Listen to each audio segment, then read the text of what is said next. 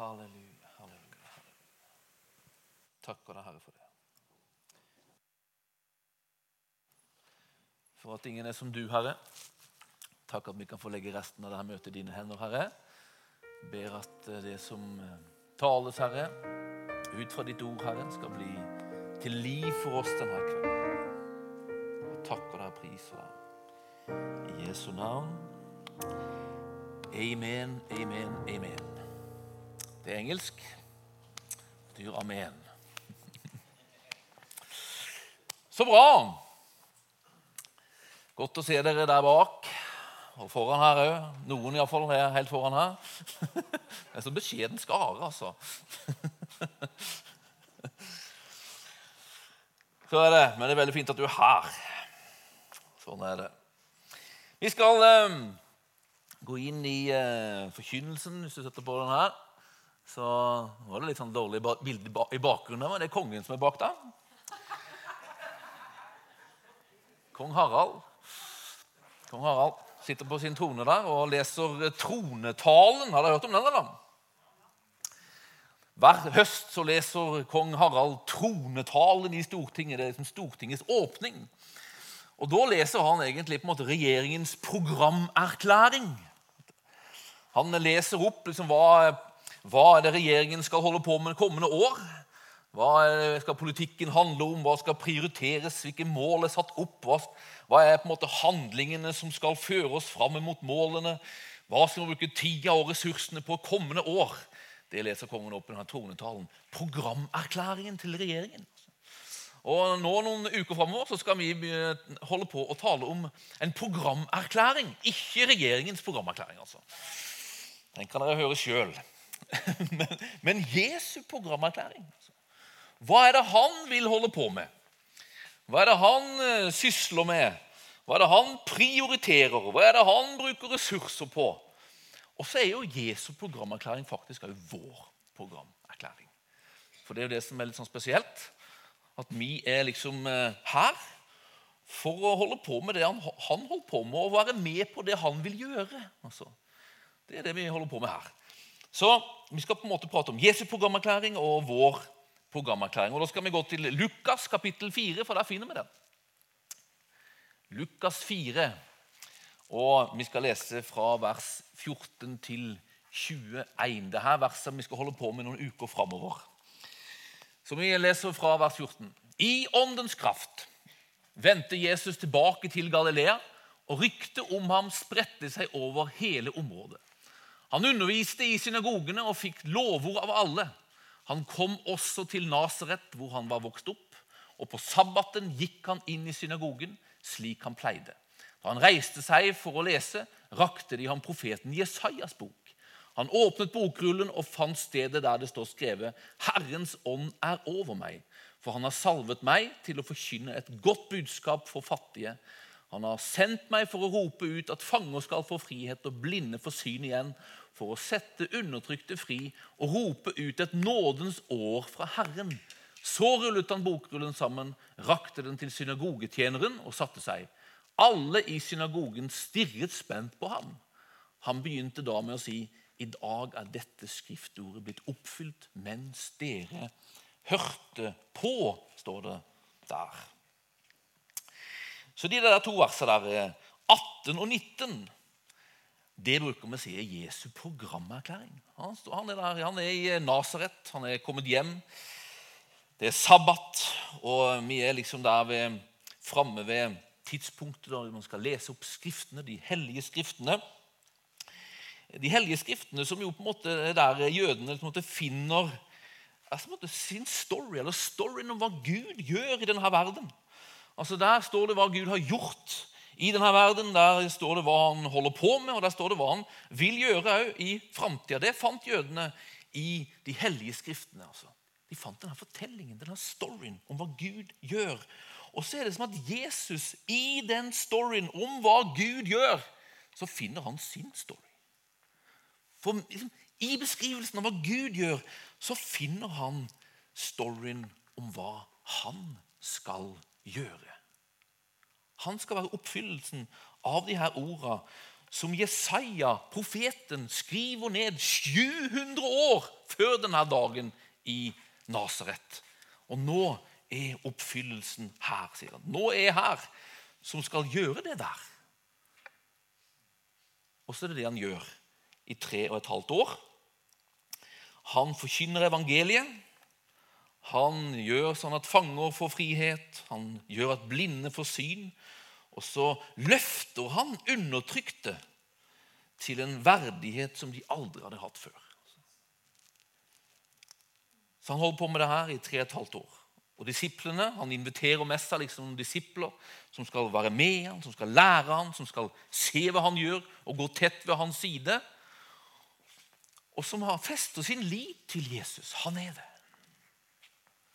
Og så skjer det noe etter tre og et halvt år som på en måte får disiplene til å miste helt motet. Jesus dør. Han dør på et kors.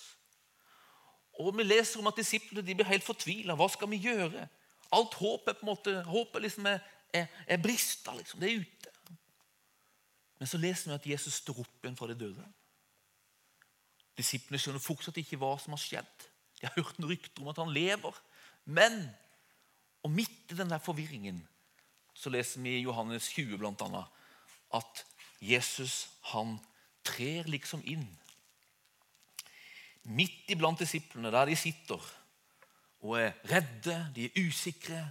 De har stengt seg inne for å tenke om de som har tatt livet av Jesus, nå skal komme og ta livet av oss, vi som var med ham. Hva skal vi gjøre? Motløse og fulle av frykt. Plutselig så står Jesus midt iblant dem, og så sier han noe som er ganske radikalt. For midt i det der så begynner han en samtale med det, Han sier 'fred være med dere', og alt sånt der. Og så går han liksom bare rett på sak og sier sånn Som far har sendt meg, sender jeg dere. Altså på samme måte som jeg ble sendt, med samme hensikt som jeg ble sendt, så sender jeg dere. Og Etter tre og et halvt år så ante de hva Jesus var sendt for. Altså, de hadde hørt talen i synagogen i Nasaret, de hadde sett hva han holdt på med. Og så skal de sendes på samme måte. Og så gjør han noe som ikke er holdt på å si, likegyldig eller tilfeldig, men som er aldeles største vekt. Det at han ånder på dem, og så sier han, 'Ta imot Den hellige ånd'. Det er som at han sier, 'Dette er ikke slutten på storyen'. Denne storyen som jeg fant meg sjøl i som jeg hadde en rolle i, som jeg skulle være med liksom, og, og, og, på en måte leve ut. Nå skal dere gjøre det. I de her tekstene, de her gamle skriftene, som jeg fant min rolle Der fins du. Der har du din rolle. I det her som Gud vil gjøre i denne verden, der jeg skulle være med, der skal du være med. Hva skal du gjøre? Hva er din programerklæring og min programerklæring? Jo, det er den samme som hans. Hans programerklæring er vår programerklæring. Åssen i all verden skal vi gjøre det? Jo, vi skal gjøre det holdt jeg på å si, med samme hjelpa som Jesus sjøl hadde. Hva var hans hjelp?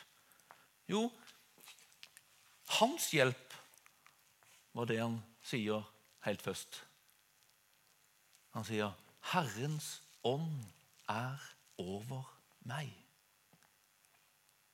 for å gjøre det her. Så jeg kan gjøre det her. Hva var det Jesus gjorde før han på en måte, eller når han hadde sagt hva de skulle gjøre? Han blåste på dem og sa, 'Ta imot Den hellige ånd', sier han. Vi skal holde på med det her noen uker framover nå og prate om de her to versene fra vers 18 og 19. Og Vi skal ta det liksom sånn her setning for setning. Og Det jeg skal tale om i dag, er på mange måter liksom hjelpa. Det er det som er herlig med det kristne budskapet. vet du. For at Før du begynner liksom å gjøre noe, så kommer hjelpa. Altså. altså Guds tanke har aldri vært at vi skal gjøre det alene. Eller i egen styrke. For det er veldig fort, da.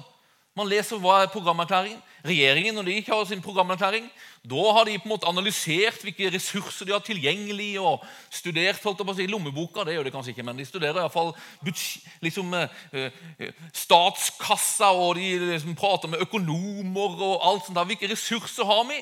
Og så bestemmer de hva de skal holdt jeg på å si, Hva kan vi i vår styrke gjøre? Men når vi får vår programerklæring fra himmelen, så er det på en måte ikke, det er ikke våre ressurser som bare er tilgjengelige. Men han har jo sagt at 'jeg vil hjelpe'. Så før dere begynner her er hjelpa. Den hellige ånd. Det er jo Gud sjøl, det, som kommer med sin hjelp, med sin kraft, for å hjelpe oss i alt det vi skal gjøre. Er du glad for det? Jeg er glad for det. Den hellige ånd han liksom, kalles jo for hjelperen og vennen, og han er virkelig det. Han er en venn. Han er en hjelper. Han er en kjemperessurs å ha i livet. altså. Og ikke bare liksom uh, ha i livet som et sånt minne fra fordoms tid, men ha han på en måte som et hjelp i hverdagen. Den hellige ånd er tilgjengelig for oss for alt det vi skal gjøre som enkeltmennesker og som menighet. Og det ønsker jeg bare å påminne deg om i dag. Nesten sånn i begynnelsen av en ny høst. altså. Den hellige ånd, han er tilgjengelig for oss og vil hjelpe oss. Hvor langt unna er han? En bønn. En bønn. Og Jeg bare ønsker å påminne deg da om at be den bønnen. Hjelp, Hellige Ånd. Kom, Hellige Ånd og hjelp meg i dag. Altså. Og han vil hjelpe deg i alle mulige ting. Altså. Så temaet i dag er ganske enkelt. Det er ta imot Den hellige ånd. altså, ta imot Den hellige ånd. Altså. Når jeg var liten, så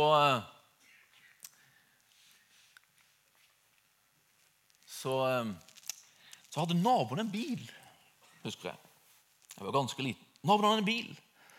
Og vi eh, lekte masse i denne bilen. Jeg kom på det her om dagen, for eh, vi har jo, en, vi har jo en, eh, vi har et par, par, biler. En er ganske ny, og den får ungene ikke lov for å ha noe med å gjøre.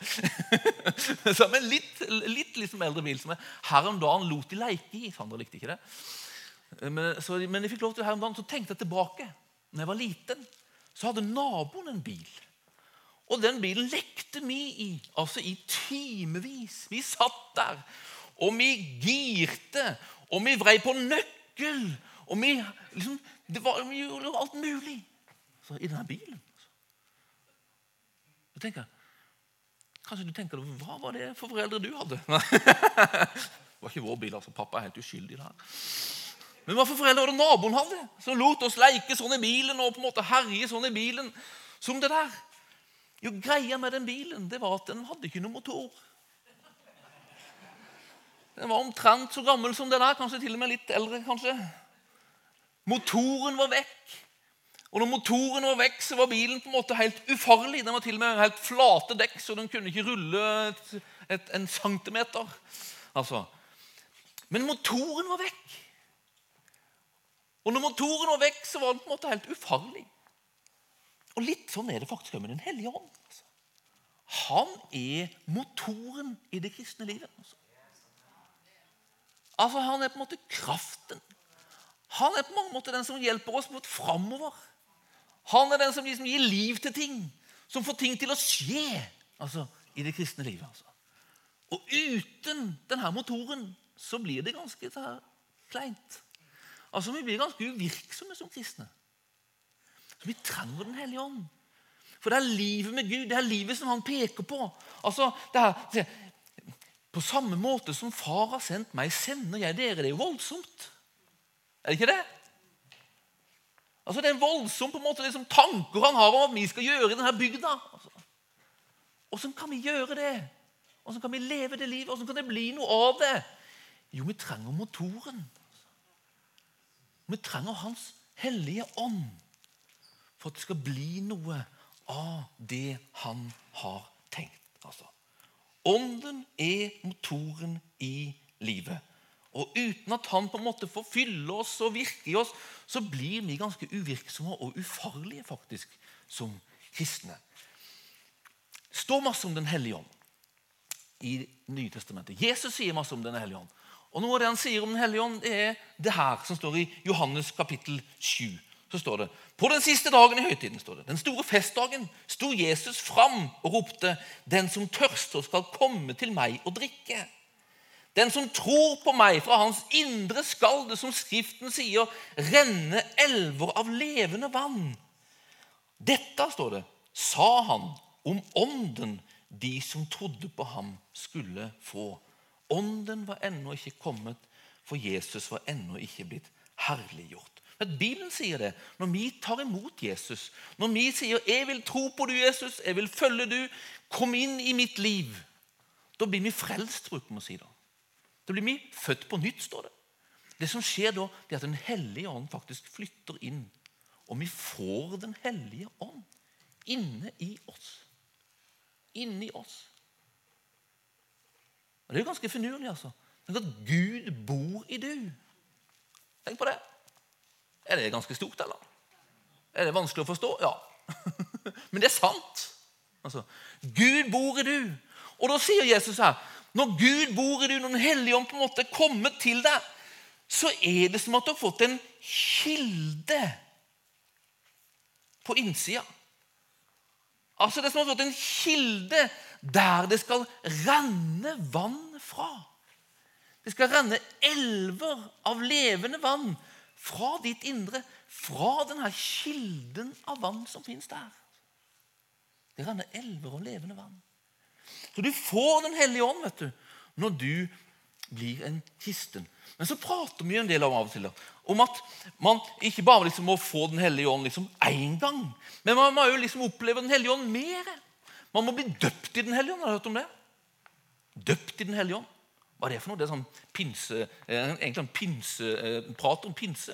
De, de, prater mye om å bli døpt i Den hellige ånd. Og Da har man ofte sånn ferdig skjemaer om at man først tar man imot Jesus, og neste steg det blir døpt i vann.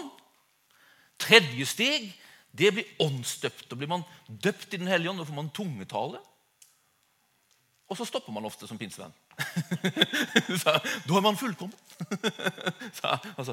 og, det, og det, er noe, det er noe der Den hellige ånd på en måte blir fylt med Den hellige ånd. og Det å få den hellige ånd, det er liksom ikke bare sånn engangsverk. Altså Det er noe som på en måte må, må være noe som skjer en gang til. Og jeg tror egentlig ikke bare én gang til, men til og med enda en gang til og enda en gang til og enda en gang til. Ja, Hele det kristne livet så tror jeg man trenger liksom jevnlig å bli fylt av Den hellige ånd. Jeg liker å se litt sånn på det. altså. Når du blir født på nytt og blir en kristen, så får du kilden. Den hellige ånd flytter inn. Og da er det ikke sånn at du på en måte får en liten del Den hellige ånd. Du får ikke bare den eller denen. Og så må du bli fylt en gang til for å få Den hellige. Og tredje gang så får du ånd.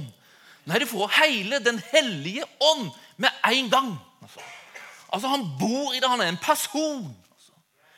Men det er, som en kilde av liv. Er som vil gi liv og liksom pøse liv inn i våre liv. Altså.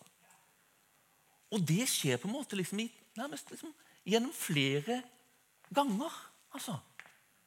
Det er liksom ikke på en måte ferdig, og nå trenger jeg ikke bry meg om Den hellige ånd mer. etter første gang. Nei, man trenger å bli fylt på nytt igjen. Og Du kan godt si at du blir, blir døpt i Den hellige ånd.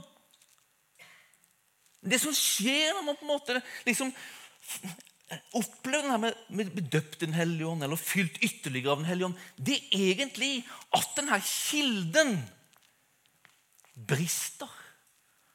Og kilden blir til elver som renner ut og på en måte preger ulike deler av livet. Det kan til og med prege følelsene dine. Så man kan kjenne noe, oppleve Den hellige ånd. Det kan være liksom at du opplever liksom kjenner, det kan være til og med at det liksom begynner å merke det i kroppen din. Altså det er Noen som til og med begynner å riste når du blir fylt med Den hellige. Det er som at vannet strømmer ut i liksom den ulike, i både kropp og sjel og, og begynner å gjøre noe i deg. Sånn at Den hellige ånd som bor i deg, merkes mer og mer. Er det med på bildet? Altså, Det er omtrent som det der. altså.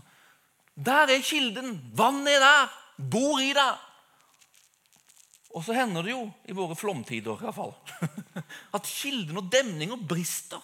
Og da pøser vannet ut, og da dannes det liksom elvespor. Ikke bare én elv ofte, men mange elver. Altså.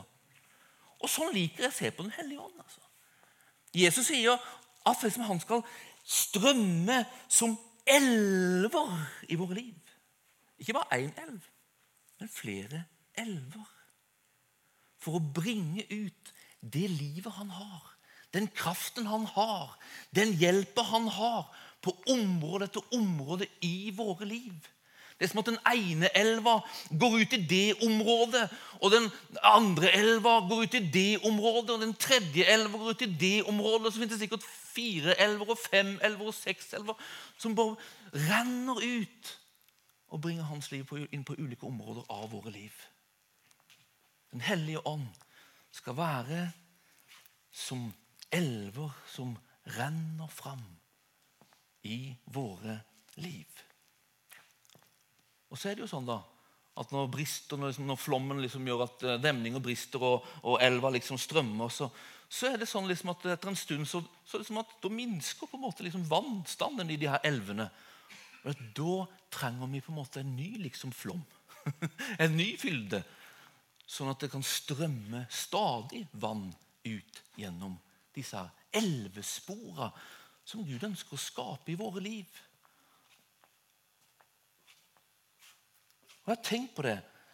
Jeg tror iallfall det fins tre elver som Gud ønsker skal strømme i våre liv. Der Hans ånd får strømme inn i våre liv og bringe hjelp til oss. Og en skulle selge på de tre elvene i kveld. Og Den første elva det er at Gud ønsker at Den hellige ånd skal være en elv som hjelper oss til en stadig sterkere kjærlighetsrelasjon med Jesus. Også kjærlighetsrelasjon med Jesus det er på en måte en del av vårt kristne liv. Og der ønsker Gud at Den hellige ånd skal liksom flyte og strømme og hjelpe oss. Altså, altså Han vil helt enkelt at relasjonen vår med Jesus skal være en sånn kjærlighetsrelasjon. At vi skal elske ham. Og for at vi skal elske ham, hva må Den hellige ånd bringe da?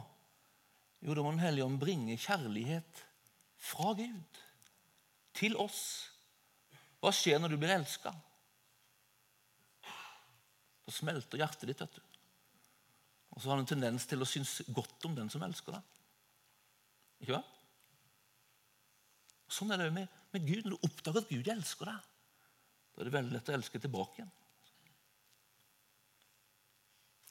Gud ønsker at vi skal oppleve at han elsker oss. Den hellige ånd er gitt oss for å formidle kjærlighet fra Gud til oss. Guds kjærlighet er utøst i våre hjerter. Det er Den hellige ånd som han har gitt oss. At han ønsker at demningen skal briste. At vannet skal strømme som en elv. Og en av de elvene den vil han skal være fylt av Guds kjærlighet inn i ditt hjerte. Sånn at du erfarer at du er elska av Gud. En konsekvens av å bli fylt med Den hellige ånd tror jeg, er at kjærligheten, opplevelsen av å være elska, øker. Han vil iallfall det. Han sier 'ta imot det'. Ta imot det. Det strømmer i denne strømmen. Ta imot det. Det her, på en måte, denne elva her, det er den elva som mest har forvandla mitt liv noensinne holdt på, i det kristne livet. Altså det, det, når jeg opplevde denne elva, så ble jeg aldri mer den samme. Den demningen den brast. Den elva begynte å strømme. En ettermiddag på Eidehavn for 20 år siden. Til og med mer enn 20 år siden. Jeg hadde kjempa hele mitt liv med en sånn usikkerhet om at jeg var elska eller ei. Altså. Sto i et ettermøte på Eidehavn og en eh, vill pinsepredikant som bar for meg. Jeg skulle bli, bedt, bli fylt med Den hellige ånd. Altså. Fylt med Den hellige ånd. Og Han gikk vekk, og jeg fatta ikke hva som hadde skjedd. igjen, for Han bare sånn. Han tok helt av. Men jeg sto der etter at han hadde gått. Så sto jeg der. Og så var det bare som himmelen bare åpna seg. Så var det som at noen skrudde på en sånn her eh, Jeg bruker det ligner litt som en sånn oljepipeline. Et røyr. Boom, satte det på hodet mitt, skrudde til alle ventiler og alt som fester, og skrudde på en kran. Og så begynte det bare å strømme inn en elv med det mest fantastiske jeg noensinne har erfart. En elv av en sånn nydelig kjærlighet. Der jeg bare kjente at jeg var elska av Gud. Altså. Og det var som om bare Gud sa Jeg elsker deg. Ta imot min kjærlighet. Og så fikk jeg gjøre det. Og så ble det på en måte en elv av levende vann som formidler kjærlighet fra Gud inn i mitt liv. Forvandler mitt liv fullstendig. Og så er det som at Når det har skjedd, så er det som at det fins et elvespor, kjærlighetselvspor, inn i mitt liv. Så fra den dagen, altså, når jeg kjenner Guds nærvær, så er det som at det er en strøm av kjærlighet der. Altså. Det er som at den elva på en måte er åpna. Den elva av Den hellige ånd for liksom skape inn i mitt liv. Og når jeg fylles på nytt av Den hellige ånd, så erfarer han som kjærlighet. Han ønsker å grave, han ønsker å, å liksom forme et elveleies elvespor inn i ditt liv som bringer kjærlighet. Som bringer kjærlighet.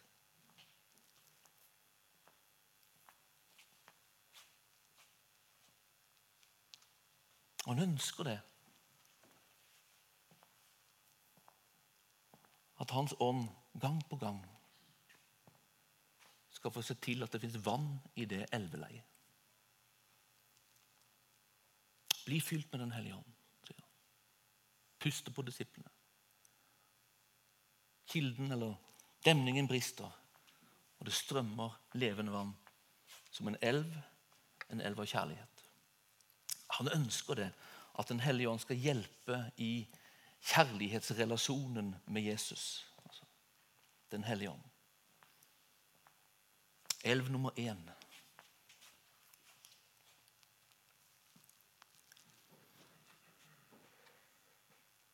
Kjærlighetsrelasjonselven.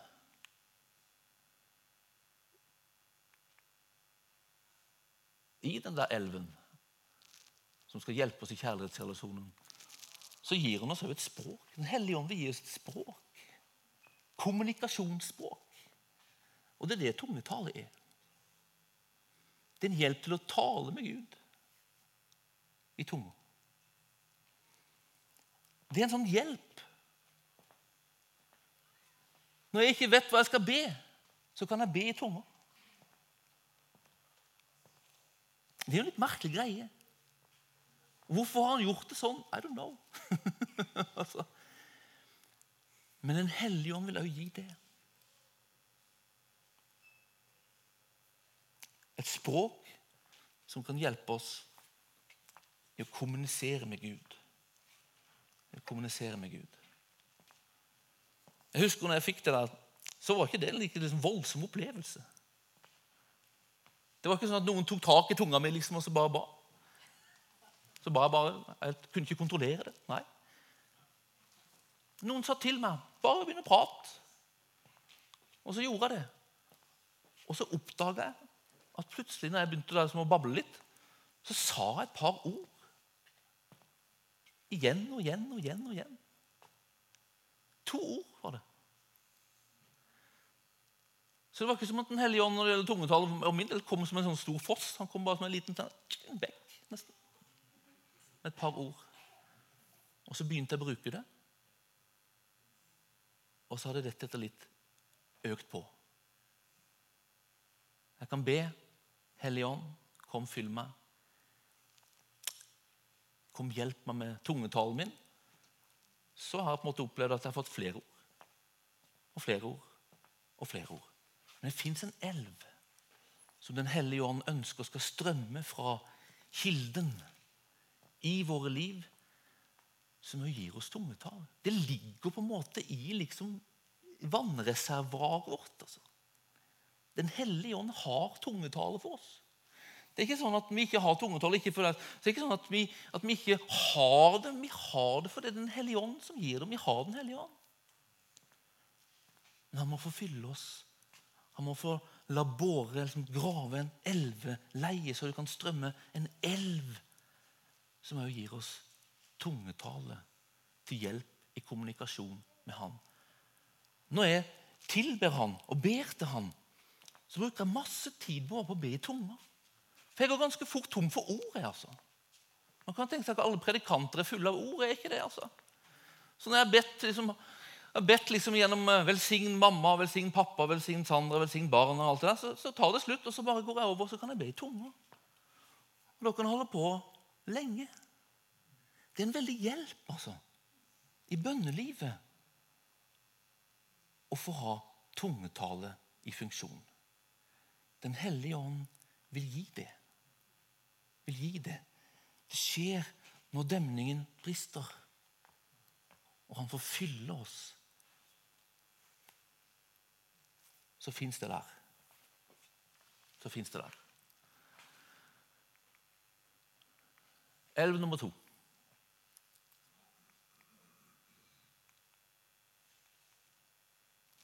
Elv nummer to. En elv som gir stadig sterkere frimodighet og kjærlighet til Gud og andre mennesker. Hører litt sammen, altså. Men Den hellige ånd er fenomenal på å gjøre oss frimodige. Altså. Og Han er fenomenal på å hjelpe oss til det liksom å prioritere og elske og sette Gud først. Altså, Det er fryktelig vanskelig å gjøre det. Det er fryktelig vanskelig å være frimodig, eller? Jeg syns det. Det er ikke lett å være frimodig. Noen syns det er lett. Bjørn syns det er lett. Kirsten syns det er lett. Vi andre trenger enda mer hjelp. de får hjelp, de også, men det er liksom at elven liksom bare strømmer hele tida. Jeg trenger liksom, I perioder av mitt liv så merker jeg på en måte at, at frimodigheten er lavere. Jeg merker at prioriteringene mine er annerledes. Jeg begynner å tenke liksom på, på liksom, bruke, bruke tida mi på, på, liksom, på materielle ting og, og, alle mulige andre ting enn en liksom Jesus selv er, altså. Som er lønna for bare å bruke tid med Gud. bare prioritere Han, altså. Jeg merker det. Hvem hjelper meg med sånt? Den hellige ånd. Altså. Han vil at demningen skal briste. Og han vil at det skal strømme en elv av frimodighet, av liksom iver, av brann for han og det han vil. Ja. Altså. Og uten at vi liksom får liksom den elva strømmende inn i livet, så har vi det ikke riktig. altså. Vi trenger Den hellige ånd for å være frimodige og ivrige. Amen. Og uten Han har vi det ikke. Vi trenger det. Vi, vi, vi, trenger ikke bare å ha demningen. Takk at jeg har du som en demning i meg, Hellige Ånd. Nei, vi trenger at demningen brister, og elvene flyter, og at det flyter en elv som vi kan få ta imot frimodighet fra. Altså. Grav en dyp, dyp elvekanal inn i mitt liv av frimodighet, iver og brann. Altså. Hvis du leser Apostlenes gjerninger, så tror jeg kanskje den elva der er den mest framtredende. Da var den til og med så framtredende at ilden havna oppå hodene. Altså. Og så ble de fryktelig ivrige. Altså. De, ble, de ble, utfordrende ivrige. Så når vi leser om det der i Apostelens gjerning og leser hvordan de holdt på, så blir vi lett utfordra. Da tenker man det var de da. Men vet du det var Hellige Ånd som produserte det. Og den samme Hellige Ånd har tatt bolig i du. Og denne iveren og den brannen den fins hos han. Og han vil at det skal strømme som en strøm inn i våre liv. Altså, jeg vil la demningen briste. Be du med om å bli fylt med frimodighet og ild. Og når vi ber om det, så tror jeg at det strømmer en elv. Og så trenger vi å etterfylle. På nytt igjen og på nytt igjen og på nytt igjen og på nytt igjen. Frimodighet, iver og brann. Vi kan prate oss grønne om å prioritere. Vi kan prate oss grønne om tidsbruken vår. Og hvis vi er ordentlig flinke med liksom å gi deg dårlig samvittighet, og sånn, så skjerper du deg når du kommer hjem på søndagskvelden. Så tar du noen kvalitetsbeslutt. I dag skal jeg ikke se Dagsrevyen. Jeg skal se Visjon Norge istedenfor. Men hvis det bare er din beslutning, så ser du Dagsrevyen igjen i morgen. det er ikke noe feil med Dagsrevyen. Altså. Det var bare et eksempel. Altså. Vi kan prate oss grønne om det, men det er Den hellige ånd som kan gjøre noe med våre prioriteringer, tror jeg. Paulus han sier sånn Kristi kjærlighet tvinger meg sier han. Tvinger meg til å forkynne evangeliet. Tvinger meg til å prioritere Han.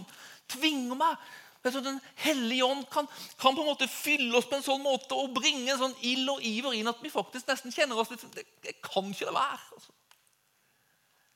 Jeg bare må prioritere Han. Jeg vil det. altså. Den hellige ånd er det som kan gjøre oss til ivrige etterfølgere av Jesus Kristus. Vi trenger Den hellige ånd. Vi trenger Den hellige ånd. Noen ting, Man har til og med forska på det der. Hva gjør Den hellige ånd i noens liv? Og så har man studert vekkelser. Hva er frukten av når man liksom oppbevarer, oppbeholder seg i, i, miljøer av vekkelse? Og vi gjorde en sånn undersøkelse om Toronto-vekkelse på 90-tallet. Hva var fruktene av at folk hadde liksom vært der og, og opplevd Den hellige ånd? Hva var fruktene? Og den mest framtredende frukten, vet du hva det var? De ble mer ivrige etter å forkynne, etter å snakke om Jesus, etter å leve for Jesus. Iveren, altså, det er et produkt av Den hellige ånd. Jeg er veldig glad for det, altså, at jeg slipper å vri om armen på deg og produsere det. Den hellige ånd gjør det. Han vil bare at vi roper 'hjelp'. Fyll oss med akkurat det der. En gammel predikant han sa så her Apostlenes gjerninger er en brennende bok. Det er ikke noen kald eller lunken flekk fra ende til annen. De var ganske radikale mot slutten av 1800-tallet. Disiplene var blitt døpt med ild med den hellige, glødende entusiasmen hentet fra Guds alter. De hadde denne kjernefulle brannen som alle andre deler av livet ble påvirka av. Denne ilden den var som en ildovn i en stor båt som dreiv båten gjennom uvær og gjennom det misunnelige og oppslukende havet. Ingenting kunne stoppe de her mennene. Ingenting kunne hindre de i å gå.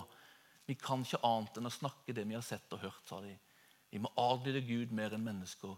Denne sterke nødvendigheten lyder gjennom alle deres gjerninger og all deres tale. De var, har varme, og de har lys fordi de ble døpt ved Den hellige ånds kraft. De ble fylt av Den hellige ånd. Vi trenger det. altså. Vi trenger det.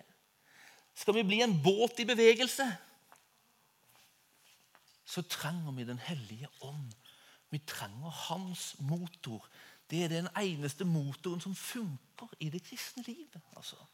Vi trenger at denne elva av frimodighet og iver er liksom åpen og fylt av Hans ånd. Og så trenger vi en elv som fører til en stadig sterkere manifestasjon av ånden. Altså at ånden merkes gjennom livet vårt. Nådegavene står på veggen der. Nådegavene er på en måte gaver som gjør at han merkes. Altså Det profetiske når Den hellige ånd, på en måte, den hellige ånds nådegave handler om at Den hellige ånd gir på en måte gaver som gjør at han blir synlig. Han manifesterer seg. Han blir virksom. Han blir på en måte merkbart til stede. Vi trenger det iblant oss. Jeg tror vi trenger det ute blant mennesker. Vi trenger at han merkes. At en levende person som har tatt bolig i oss, Den hellige ånd. Han vil åpne en elv som gjør at han på en måte merkes i livet våre. At nådegavene fungerer i livet våre. Det profetiske fungerer. Når det profetiske er merkbart til stede og er virksomhet, så gjør man folk, folk, folk opplever seg sett. Er sett av Gud. Her er noen som vet noe og sier noe som ingen kan vite noe om, men det er som at plutselig så, så er det en som vet. Gud vet. Vi trenger helbredelsens nådegaver som gjør at mennesker opplever at Gud han, han kan han kan gjøre noe i mitt liv og med min situasjon. Vi trenger visdomsord, som det står her, som hjelper oss til å forstå at Gud han vet noe. Han har kunnskapen, visdommen, han kan hjelpe oss. Alt det her på en måte får Ånden gjøre når vi på en måte åpner oss og gjør oss tilgjengelige for denne elva av nådegaver. Den hellige ånd vil gi det. Hjelpe oss i det. Og så vil Den hellige ånd gi en duft i våre liv. Jeg leste noe artig her om dagen. Duft gjør noe med mennesker. Skjønner du hva jeg mener? Uten å si noe mer. Så gjør duft noe i et rom. Ikke vel? Men det der er, ganske, liksom, ganske heftig, egentlig. De har forska på det. Man forsker på alt dette. De har forska på det at i et arbeidsmiljø så gjør duft ulike ting. Man drev og forska i et, et, et data, en databusiness i, i, Japan. Og så undersøkte man ulike, hva, hvilken påvirkning har dufter når det gjelder liksom, jobbinnsats. og sånn. Og Da, og da, da, da kom man fram til det at eh, hvis du fyller lufta i arbeidsrommet liksom, med lavendel da skrev de her, de satt og skrev på data sånn, de skrev 21% mindre feil.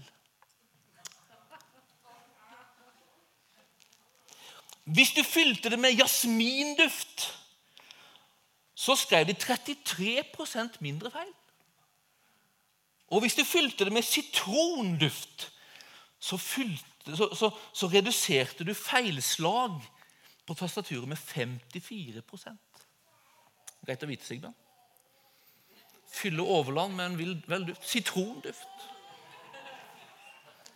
Så gjør det noe. Og så fant jeg ut at lavendel det reduserer stress. Hvis du har stressa medarbeidere, fyll rommet ditt med lavendel. Hvis du har eh, jasmin, så blir folk mer avslappa, fant man ut. Og sitron igjen Sigbjørn er interessant, stimulerte medarbeiderne til innsats. Mindre feil, mer innsats, sitronduft. Men Den hellige ånd han vil produsere en duft i våre liv. Hvilken duft er det?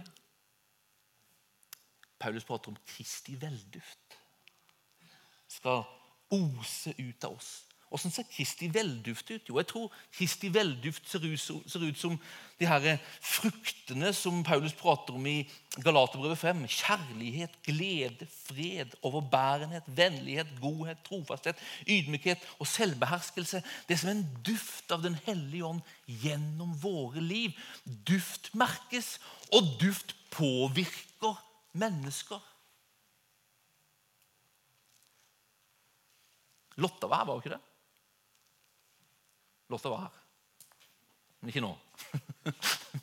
Men Lotta har fortalt hele høsten så har hun på en måte malt en story for oss som er ganske fenomenal. altså. Hun fortalte storyen om en ung jente som har vært konfirmant i en eller annen menighet. Og etter henne var liksom ikke mors beste barn. Hun var som mange av våre konfirmanter. Men etter konfirmantåret så kom hun til sine ledere og fortalte at jeg er blitt en kristen. Og De ble nesten litt overraska over Hvorfor all verden hadde det blitt det? Altså, hva skjedde? Hva er grunnen til at du har blitt en kristen? Jo, sa hun, jeg har blitt en kristen. Jeg ble nysgjerrig på troen, sa hun, fordi jeg så at dere ledere var så gode mot hverandre. Altså, Det var en duft i rommet. Det var en velduft i fellesskapet som gjorde noe, som påvirka noe. Den hellige ånd. Han vil at det skal strømme en strøm, en elv fra denne liksom, demningen inn i våre liv, og til og med gjennom våre liv og ut til mennesker. Så han får påvirke gjennom oss. Vi trenger Den hellige ånd. Og vi trenger å bli fylt med Den hellige ånd. Og du kan bli fylt med Den hellige ånd i dag. Og det er det vi skal gå inn i ettermot, og helt enkelt å ha en bønn i våre hjerter om at du, Hellige Ånd, skal fylle oss i dag på nytt igjen for en ny høst, for et nytt år. Vi har demningen her. Vi har Den hellige ånd. Og Den hellige ånd han er en kilde som aldri tar slutt. Altså. Som aldri tar slutt. Og som gang på gang vil la på en måte demningen briste og la det strømme en strøm av levende vann som en elv inn i våre liv på ulike områder. Han vil at det skal strømme en elv som hjelper oss i relasjonen vår med Gud. Han vil at det skal strømme en elv som bare gjør at du fylles av kjærlighet. Han vil at det skal strømme en elv som gjør at tungetalen på mange måter liksom forløses i livet ditt. Der du får tak på det, og du oppdager at du har det. Jeg tror tungetall er tilgjengelig for alle kristne mennesker. Fordi det er tilgjengelig hos Den hellige ånd. Og Mange ganger har det der med tungetale vært et sånn her stempel på A-kristne og B-kristne. Så var nesten feelingen i pinsebevegelsen. Har du ikke tungetale, så er du på en måte en litt dårligere kristen. Men tungetale er bare én av de her elvene. Altså, Kjærlighet er like mye en strøm. Iver og brann er like mye en strøm. Velduft er like mye en strøm fra Den hellige ånd. Men tungetale er en av de her elvene som strømmer, og som han vil skal være en erfaring i våre liv. Vi trenger å bli fylt av Den hellige ånd. Ikke bare én gang, og ikke bare en andre gang, men igjen og igjen og igjen og igjen. og igjen. Paulus sier, 'Drikk dere ikke fulle på vin', sier han, 'men bli fylt av Ånden'. Fylt av Ånden. Igjen og igjen og igjen og igjen og igjen. Vi trenger det alle. Og Vi har ulike områder av våre liv der vi kanskje kjenner spesielt at vi trenger det. Jeg trenger å bli trygg i Hans kjærlighet. Kom, Hellige Ånd, fyll meg med din kjærlighet. Jeg lengter etter å få tak på det med tungetale. Kom, Hellige Ånd, og fyll meg og forløs tungetale i mitt liv. Jeg trenger mer brann og iver jeg trenger å prioritere annerledes. Jeg, vet at jeg bruker for mye tid på, på TV eller hva det nå kan være. Altså, mange andre ting enn det jeg tenker at jeg, jeg liksom skulle ville. Jeg trenger hjelp med å prioritere om. Jeg trenger mer iver og brann for du, Jesus. Kom, Hellige Ånd. Det er løsningen. Jeg vil at det skal merkes at du bor i meg mer. Kom, Hellige Ånd, fyll meg, så det strømmer òg ut av livet mitt. Vi trenger Den hellige ånds fylde og kraft på nytt igjen, på nytt igjen, på nytt igjen. Altså. Jeg vil at vi skal be om det i dag. Og jeg vil at vi skal gjøre det Det hender vi har en sånn forbundstunnel her. og i dag tenker jeg at i dag er en fin anledning til å ha det. Å ha en tunnel helt enkelt som handler om at noen legger handa på deg og bare ber til Gud om at han skal fylle deg med sin hellige ånd. Gud han, han, er, han er ikke vanskelig å be når det gjelder akkurat det der med Den hellige ånd. Lukas han skriver det, eller Jesus sier det i Lukas evangeliet, så sier han, finnes det en far blant dere som vil gi sønnen sin en orm når han ber om en fisk?